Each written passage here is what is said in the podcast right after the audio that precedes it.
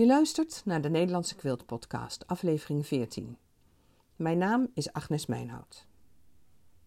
Een hobby neemt ruimte in beslag.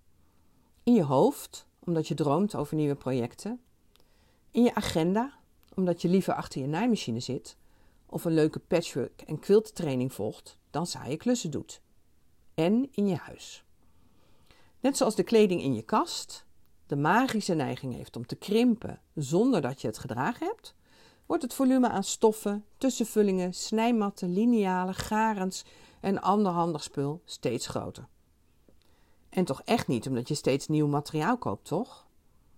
Dus zijn we allemaal continu als een soort Marie Kondo bezig om onze spullen zo handig mogelijk op te bergen. Als je inspiratie gaat zoeken voor opbergtips voor je quilthobby op Facebook, Pinterest of Instagram, valt je iets op wat je eigenlijk al wist. Amerikaanse huizen zijn groot. Echt heel groot. Tenminste, meestal. En gemiddeld in ieder geval een stuk groter dan hier in het dichtbevolkte Nederland.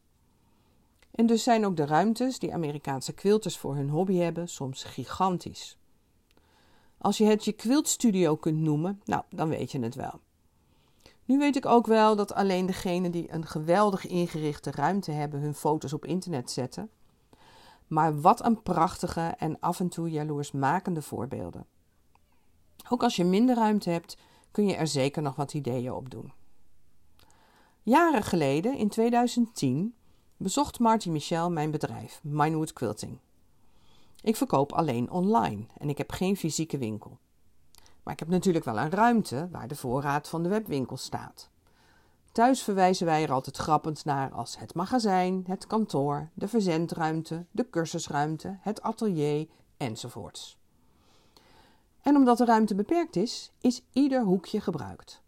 Marty vond het geweldig, zo efficiënt ingericht. Dat had ze nog nooit gezien. Bovenop de stellingen met stoffen staan voorraaddozen voor allerlei klein grut Anders heb je daar een onhandig gebruikt stukje lucht. Ze was onder de indruk. En we hebben een heel aantal quilters in die kleine ruimte gepropt, mocht toen nog, om haar show en tell te bewonderen. Superleuke bijeenkomst. Ze kon zelfs mijn designwall gebruiken. Ook dat is iets dat je veel ziet in de foto's van Amerikaanse quiltdroompaleizen. Een muur met een groot vlak bekleed met bijvoorbeeld flanellen stof waar je stukjes stof of je patchwork blokken aan blijven plakken. Heel handig, want het is ontzettend fijn om je quilt in wording van een afstandje te bekijken. Op een verticaal vlak kun je veel beter zien of het met je project de goede kant op gaat. Je hebt bijvoorbeeld een heleboel blokken gemaakt en je wilt bepalen in welke volgorde je ze aan elkaar wilt naaien. Dan is het fijn als je ermee kunt spelen en schuiven tot je een layout hebt waar je tevreden over bent. Dan kun je goed zien of bijvoorbeeld kleuren of donker en licht mooi verdeeld zijn. Op tafel leggen of op de grond werkt toch minder lekker. Minder ruimte of steeds op je knieën.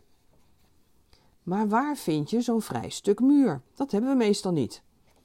En in mijn multifunctionele ruimte al zeker niet. Wie niet veel ruimte heeft, moet slim zijn. Ik had al een keer een flanellen lap gekocht en bedacht dat ik hem wel met klittenband aan de stellingen kon maken. Een rand klittenband met zo'n nietpistool aan de voorkant van de bovenste planken vastgezet. De andere kant van het klittenband op de flanellen stof. En voilà! Geen design wall, maar een design gordijn. Ging prima. Wat me een beetje tegenviel is de kleefkracht van het flanel. Stukjes stof die ik er tegenaan plakte, vielen er toch wel snel weer af. En om nu alles met een speldje vast te zetten, vond ik wel een gedoe. De oplossing? Een flinke lap tussenvulling op het flanel spelden en alles blijft supergoed plakken. Ook alle draadjes trouwens. Maar wie daarover zeurt is een kniezoor. En als het in de weg hangt, lostrekken en opvouwen. Kun je het later zo weer terughangen. En online blijkt er ook van alles te vinden te zijn onder de zoekterm Portable Design Wall. Oftewel inklapbaar, opvouwbaar, verschuifbaar enzovoorts. Quilters vinden altijd wel een oplossing. Dus zou je een design wall willen, maar heb je geen ruimte, Kijk eens rond in je huis met andere ogen. Waar kan ik iets aan vastmaken? Met klittenband of met klemmen of desnoods knijpers? Is er een schuifdeur waar je flanel op vast kunt maken? Kun je losse panelen neerzetten die je achter een deur kunt opslaan? Gebruik je fantasie niet alleen voor je quiltprojecten, maar ook voor je quiltatelier, ook als dat geen aparte ruimte in je huis is. Foto's van mijn slimme designwall en foto's van Marty's bezoek vind je in mijn blog, waar je deze tekst kunt teruglezen. Wil je ook van die mooie projecten maken met haar handige malletjes? Volg dan mijn e-mailberichten over de online trainingen, waarin ik je leer hoe je altijd perfecte resultaten krijgt met Marty's malletjes en linealen. Meld je aan op mijn website www.minewood.nl. En wil je nog meer weten over quilten en patchwork? Abonneer je dan op mijn podcast. Tot de volgende keer.